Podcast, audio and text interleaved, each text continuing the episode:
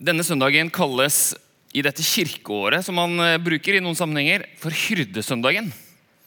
Det er en søndag hvor eh, nesten alle tekstene Det er jo tre lesetekster hver søndag. Nå hørte vi bare evangelieteksten. Hvor alle tekstene har et hyrdemotiv, gjetermotiv, sauemotiv. Som det finnes mange av gjennom Bibelen. Og, eh, eh og Derfor også denne ikonet som jeg henta fram fra kapellet vårt her nå, som eh, viser eh, dette bildet av Jesus som hyrden som bærer dette lammet, dette kjente motivet. Eh, hvor det står egentlig, Hva heter det? Hva står det bakpå? Det står buon pastor Pastore. Buon, buon pastore. Ja, det er på italiensk, tror jeg. Eh, altså pastor Jesus, eller pastoren. Hyrden. Eh, og når jeg har jobba med denne teksten og liksom hatt den i bakhodet innenfor denne søndagen, så har jeg merka at denne teksten trengte jeg. Eh, og jeg har jobba liksom Eller den har vekt så mange assosiasjoner, og det jeg er opptatt av om dagen, eh, har jeg selvfølgelig lest inn i teksten. Og det er en fare når man er predikant, forkynner, er jo at man bare tar sine egne assosiasjoner og det som er viktig for meg akkurat nå, og så formidler jeg det til dere. Så kan det være noe helt annet som dere hørte i denne teksten, eller som dere trenger å ta tak i, eller som Gud trenger å si til deg. Um, vi møter jo denne teksten og hver søndag, sånn som Kristine så fint åpna med, på ulike måter. Vi kommer hit med ulike liv, med lite eller mye tro, eller med mye styrke eller med slitenhet. Eh, og vi møter og åpner bibelteksten også ulikt. Derfor er det også så fint at vi gjennom en del år nå alltid leser bibelteksten. Det er jo mange frikirker hvor det ikke skjer hvor man ikke leser Bibelen. Man sier at man holder Bibelen veldig høyt, men Bibelen blir knapt lest i løpet av gudstjenesten, bortsett fra i en og annen sitat i en preken. Men det at teksten blir lest eh, uten kommentar, på en måte, i seg selv, er et poeng. For at teksten i seg selv er viktig. Og Gud kan tale til deg gjennom teksten, eh, uavhengig av i, meg som predikant. Eh, og eh, så er det jo så fint også at tanken er fri. Så om du tenker at det Erik snakker om er ikke så veldig relevant for meg, så kan du lage en egen preken i ditt hode. Eller du kan liksom be Gud tale til meg, og så kan du sitte og tenke på noe annet. Eh, tekstbasert, selvfølgelig. Um, men likevel, når jeg har lest denne teksten denne uka, og bare tenkt innenfor denne søndagen, så er det litt eh, min bakgrunn og det jeg er opptatt av, og det vi som stab snakker om om dagen, som treffer meg i den teksten. Og jeg har likevel lyst til å begynne litt der. Og Så skal vi ha en liten gjennomgang av teksten. Og så ender vi opp eh, hos Jesus. Det er veldig bra. Um, for ett år siden så var vi i staben på Lia gård, som er et retreatsted. En, gård oppe i Østerdalen, er det det? Eh, riktig? Ja. Jeg ble så usikker på disse dalene. Numedals, eh, altså, ja, samme det. Men oppe i Østerdalen. Hvor vi hadde en tur sammen med staben noen dager. Og Istedenfor å måtte planlegge veldig mye, så skulle vi ha noen dager sammen i stillhet og i eh, ja, samtale, men litt annen, i litt andre rammer. Eh, og da hadde Ingar Bø, som er leder der, han hadde, før vi kom, så hadde han satt ut masse sauer på alteret i kirka der, i Nylia. Eh, masse små eh, sauer og litt større sauer i bamsevarianter og i sånne eh, plastvarianter og store og små. Satt disse sauene utover alteret. Og så hadde han en liten sånn refleksjon rundt dette her med hyrden og, og flokken. Og Så lot han de sauene bare stå der de to dagene vi var der. Så sa han så kan dere gå inn i dette kapellet inn i kirka så kan dere sette dere her i stillhet og se på denne flokken. Eh, og be Gud om å, å, tale til dere. Og så hadde vi samtaler ut fra dette. Og, og det ble noen gode samtaler i vår stab om disse sauene som var på dette alteret. Fordi i fjor så var jo det da hadde vi jo hatt stengt ned. Vi hadde ikke, møtt, vi hadde ikke hatt gudstjeneste med oppmøte på kjempelenge. Altså, det her var juni-mai 2021, hvor det fortsatt var stengt. og Vi hadde valgt å, vi forberedte oss på å møte sommeren da. Så vi liksom, vi forberedte oss på å møte flokken igjen. Og Noen av sauene sto, jo, de sto i ulike retninger. Eh, de, så, de var liksom ulikt posisjonert. Noen var veldig framoverlent. Eh, og var liksom klar for å, helt åpenbart klar for å gå framover. Andre var veldig lå på ryggen nesten og var satt ut. Så snakka vi om disse sauene. og vi, Ikke at vi baktalte dere, men vi snakka om dere. Om menigheten vår, om flokken.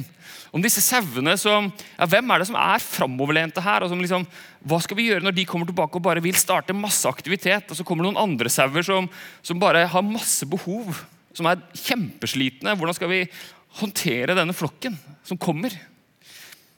Og så var det For et år siden hvordan blir det nå etter korona, stilte vi spørsmålet da. i juni 2021. Ikke sant? Og så stiller vi akkurat det samme spørsmålet igjen. Ja, hvordan blir det nå? Hvordan er det nå, etter pandemien, å være kirke? Å være fellesskap? Å være familier? Å være samfunn? Hvordan, hvilke varige endringer har skjedd? Og hvilke ting er bare midlertidige endringer? Og så kommer det til å eh, normalisere seg i en eller annen mening.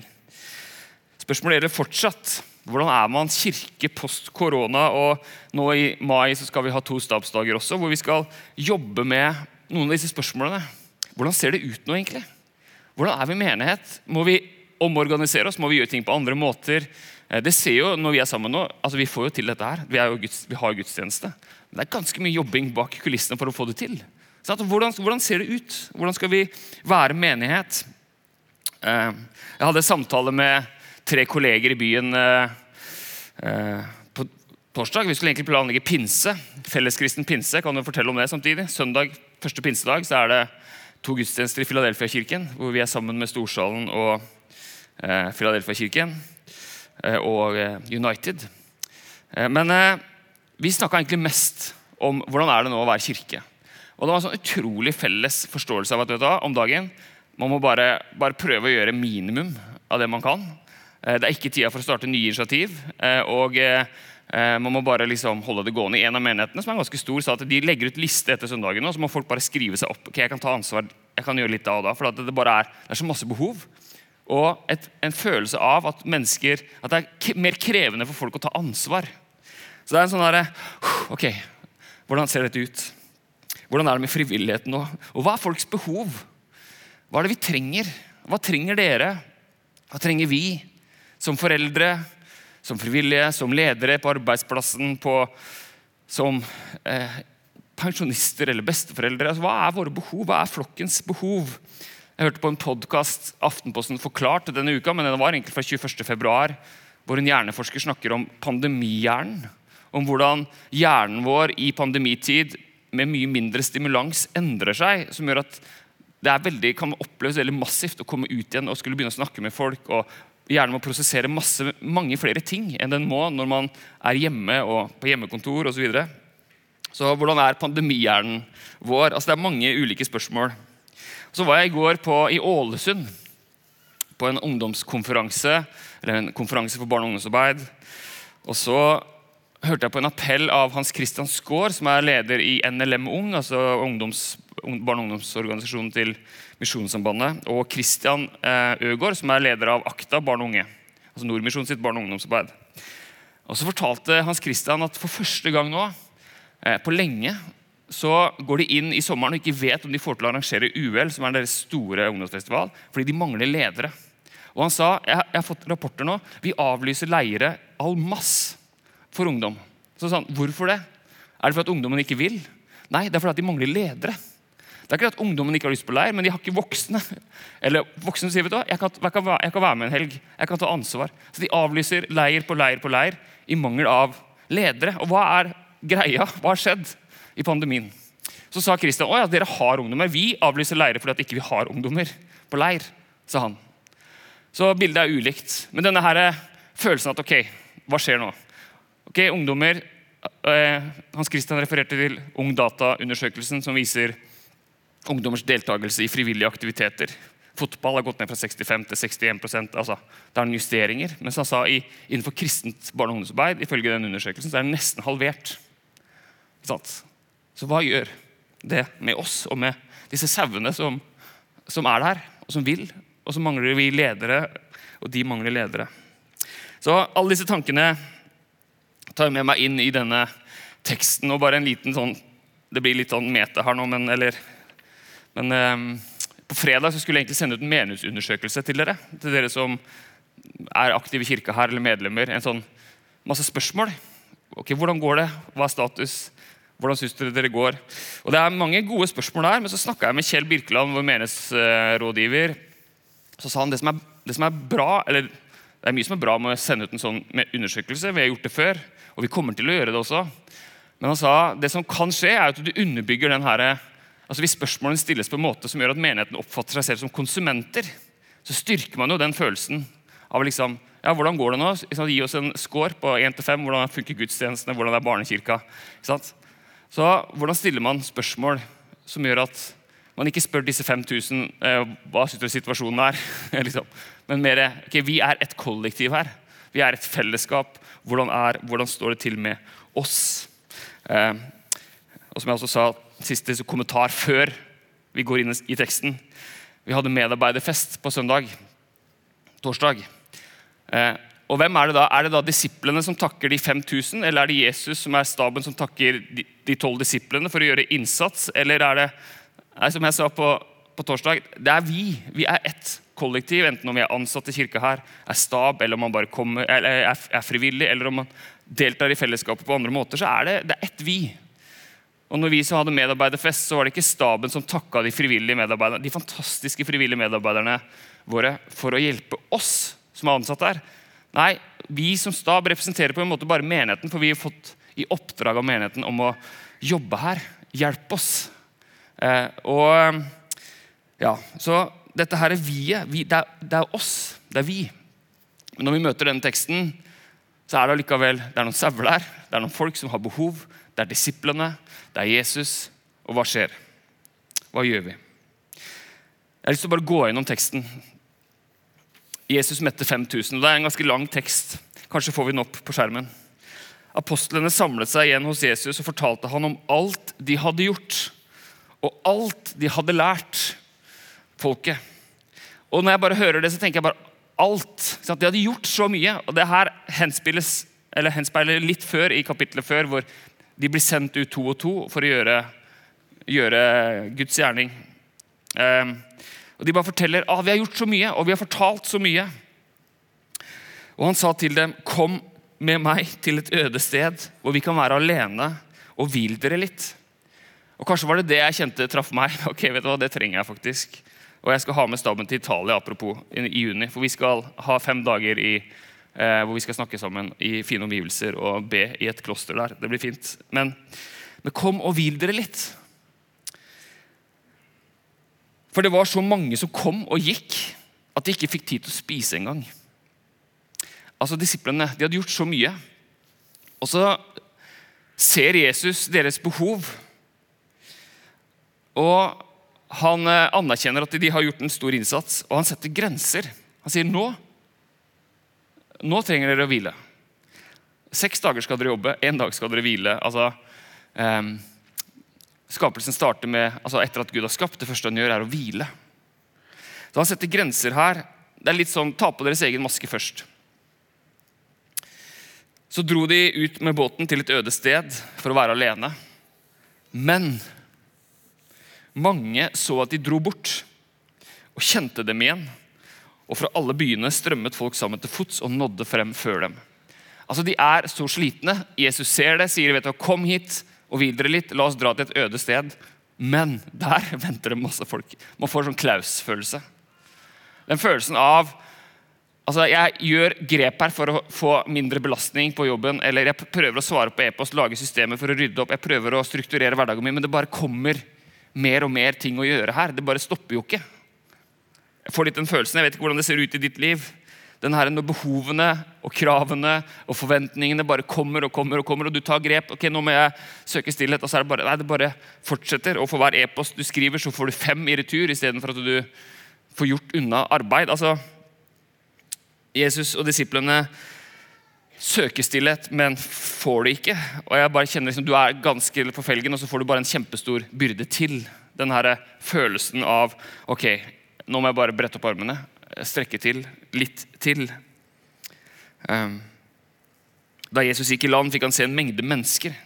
Han fikk inderlig medfølelse med dem. Inderlig medfølelse, et ord som går igjen flere ganger om Jesus. At han ser et menneske, og så får han inderlig medfølelse. Han kjenner det i magen, er det ordet betyr. Han kjenner det liksom i, inni magen. Åh, disse folka her. De trenger noe. Og så sier han, apropos hyrdesøndag de var som sauer uten gjeter. Og han ga seg til å undervise dem om mange ting.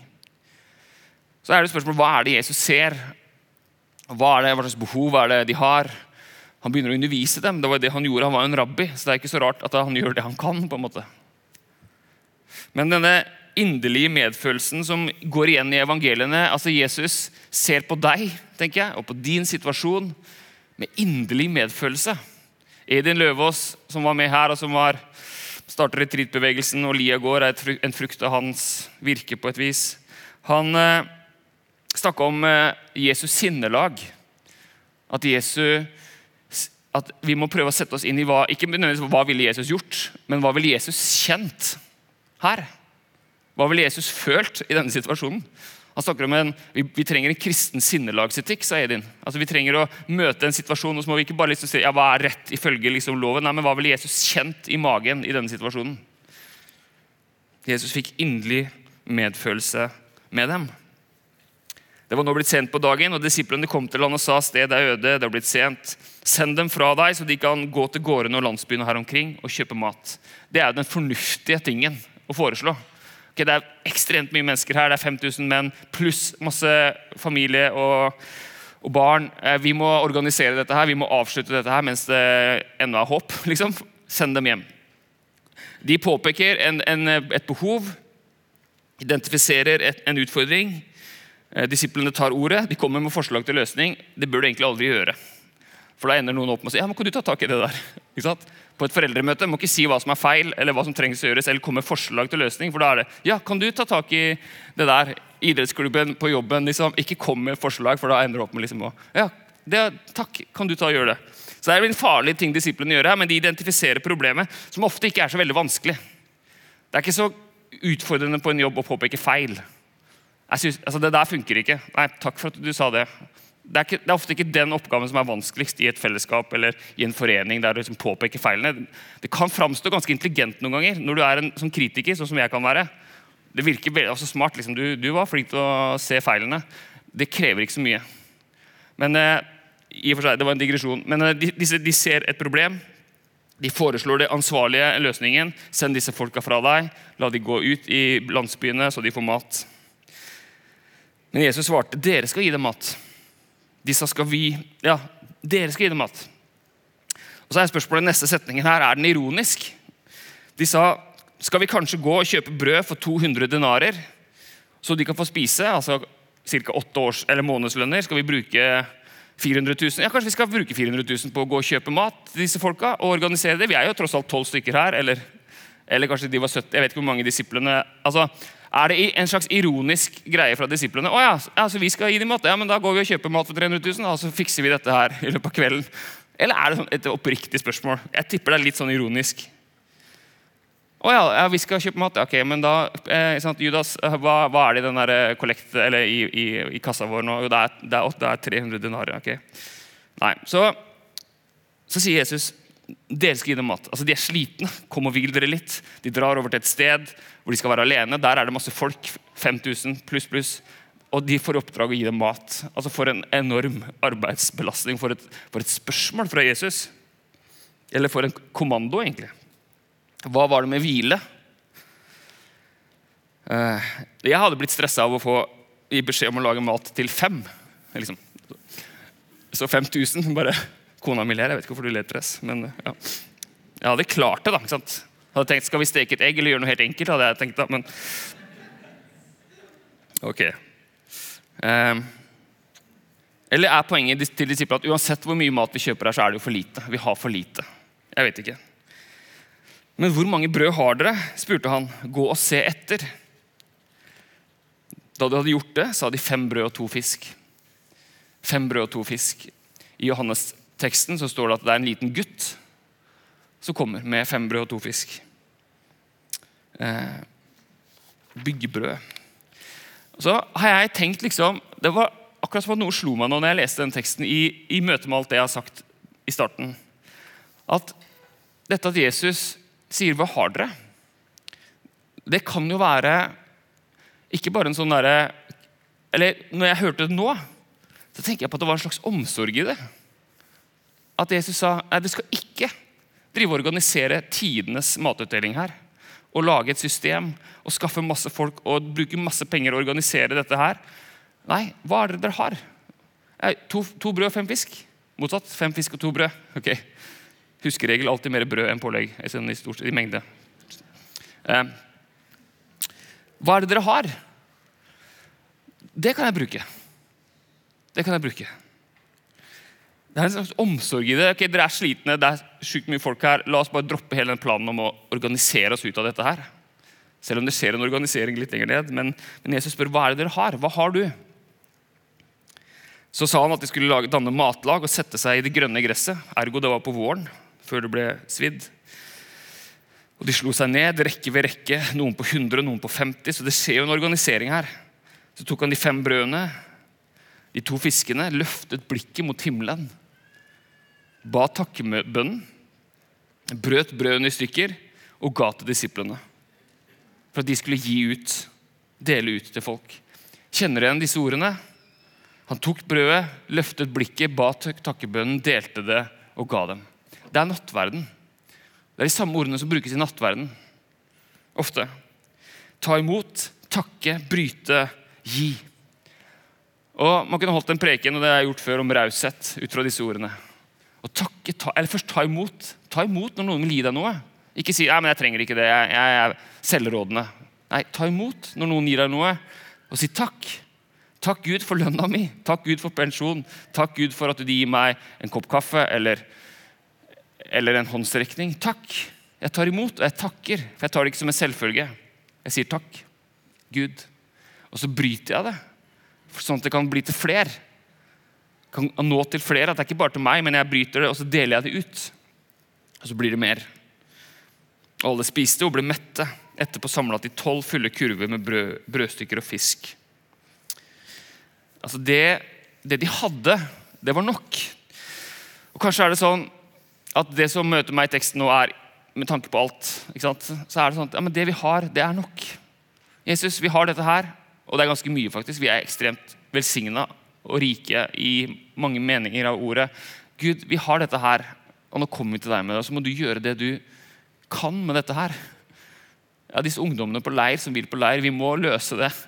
Men hva er det dere har? Hva kan dere gjøre? Hva kan dere bruke? Eh, kanskje du er Mange erfarer om dagen at de er slitne. Det er en sånn felles opplevelse jeg møter. Eh, det er veldig mye som, skjer nå. Alt som ble utsatt fra korona, blir liksom arrangert nå. Alle festene, alle dugnadene, alle loppemarkedene, alle arrangementene, alle jubileene. Det skjer utrolig mye nå. Så folk er litt sånn Og så sier Jesus, 'Kom og hvil dere litt'. Kom og hvil dere litt. Og, og det er et stort behov her. Ja, men hva har du? Jeg har dette her. To brød, fem fisk. Motsatt. Jeg har dette her. Ja, men Så sier Jesus ja, men la meg få det. Gi det til meg. Gi det til meg. Så skal jeg, så skal jeg gjøre mer ut av det. Jeg har lyst til å lese et sitat. Vi til Wright om denne teksten. Vi ofrer, tilbyr, uforstående det lille vi har. Og Jesus tar ideer, brød og fisker, penger, sans for humor, tid, energi, talent, kjærlighet, kunstneriske gaver, gode evner med ord, gode blikk og raske hender. Hva som helst som vi har å tilby. Han holder dem opp for sin far med bønn og velsignelse. Så bryter han dem, slik at de er klar for å brukes og gir det tilbake til oss, så vi kan gi dem til som, dem som trenger det. Og nå er det både vårt og ikke vårt. Det er både hva vi hadde i tankene, og hva vi ikke hadde i tankene. Noe annerledes og større. Mer kraftig og unikt, men også vårt. Det er en del av vår genuine kristne tjeneste, uansett nivå, at vi ser med beundring på hva Gud kan gjøre med de få bitene vi gravde ut av våre begrensede ressurser som vi tilbød Han. Og så til slutt eh, en tekst som hvor jeg egentlig ikke hadde begynt å se ordentlig på søndagens tekst ennå. Men vi leste i kapellet her. Eh, vi samles i kapellet i staben klokka ni, og så ber vi, og så leser vi søndagens tekst. Eller leser dagens tekst. Så var det en tekst fra Esekiel som eh, pekte fram mot i dag, som, som jeg bare, akkurat som at jeg hørte den for første gang. Og det er, det er masse kontekst selvfølgelig, og grunn til at Gud sier dette her. Ehm, men, eh, og Først så går det egentlig til rette med disse falske gjeterne, de som bryr seg om seg selv. Så sier Gud jeg, jeg skal selv, jeg må selv gå inn og være gjeter her. Og så sier Gud jeg vil gjete, jeg vil gjete sauene mine og la dem hvile, sier Herren Gud. Jeg vil lete opp de bortkomne, føre tilbake de fordrevne, forbinde de skadde, styrke de syke, vokte de fete og, og sterke og gjete dem på rett vis. Altså, Gud vil selv Altså, jeg vil selv ta meg av min flokk. Og jeg tenker, Vår flokk, som er menigheten, som vi også ser når vi leser bønnelappene etter gudstjenesten i kapellet, det er skadde og syke og fordrevne. Og flere ganger i, kapellet denne uka så har, vi, så har vi grått.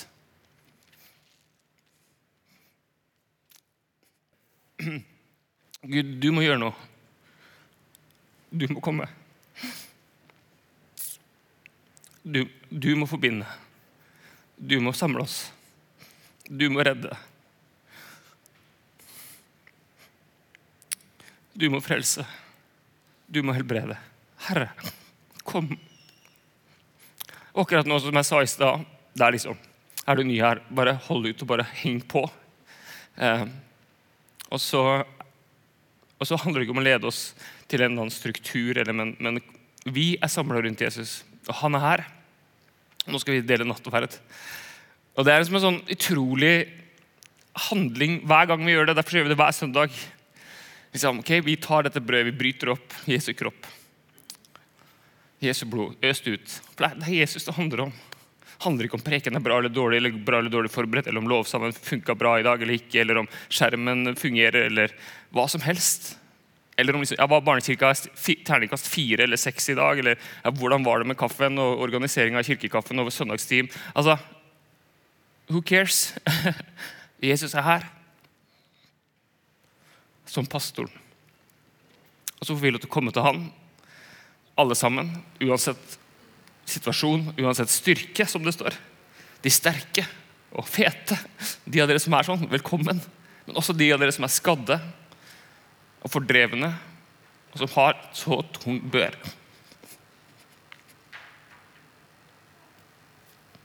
Velkommen til bordet, til Jesus. Han som har mer enn nok å gi til oss.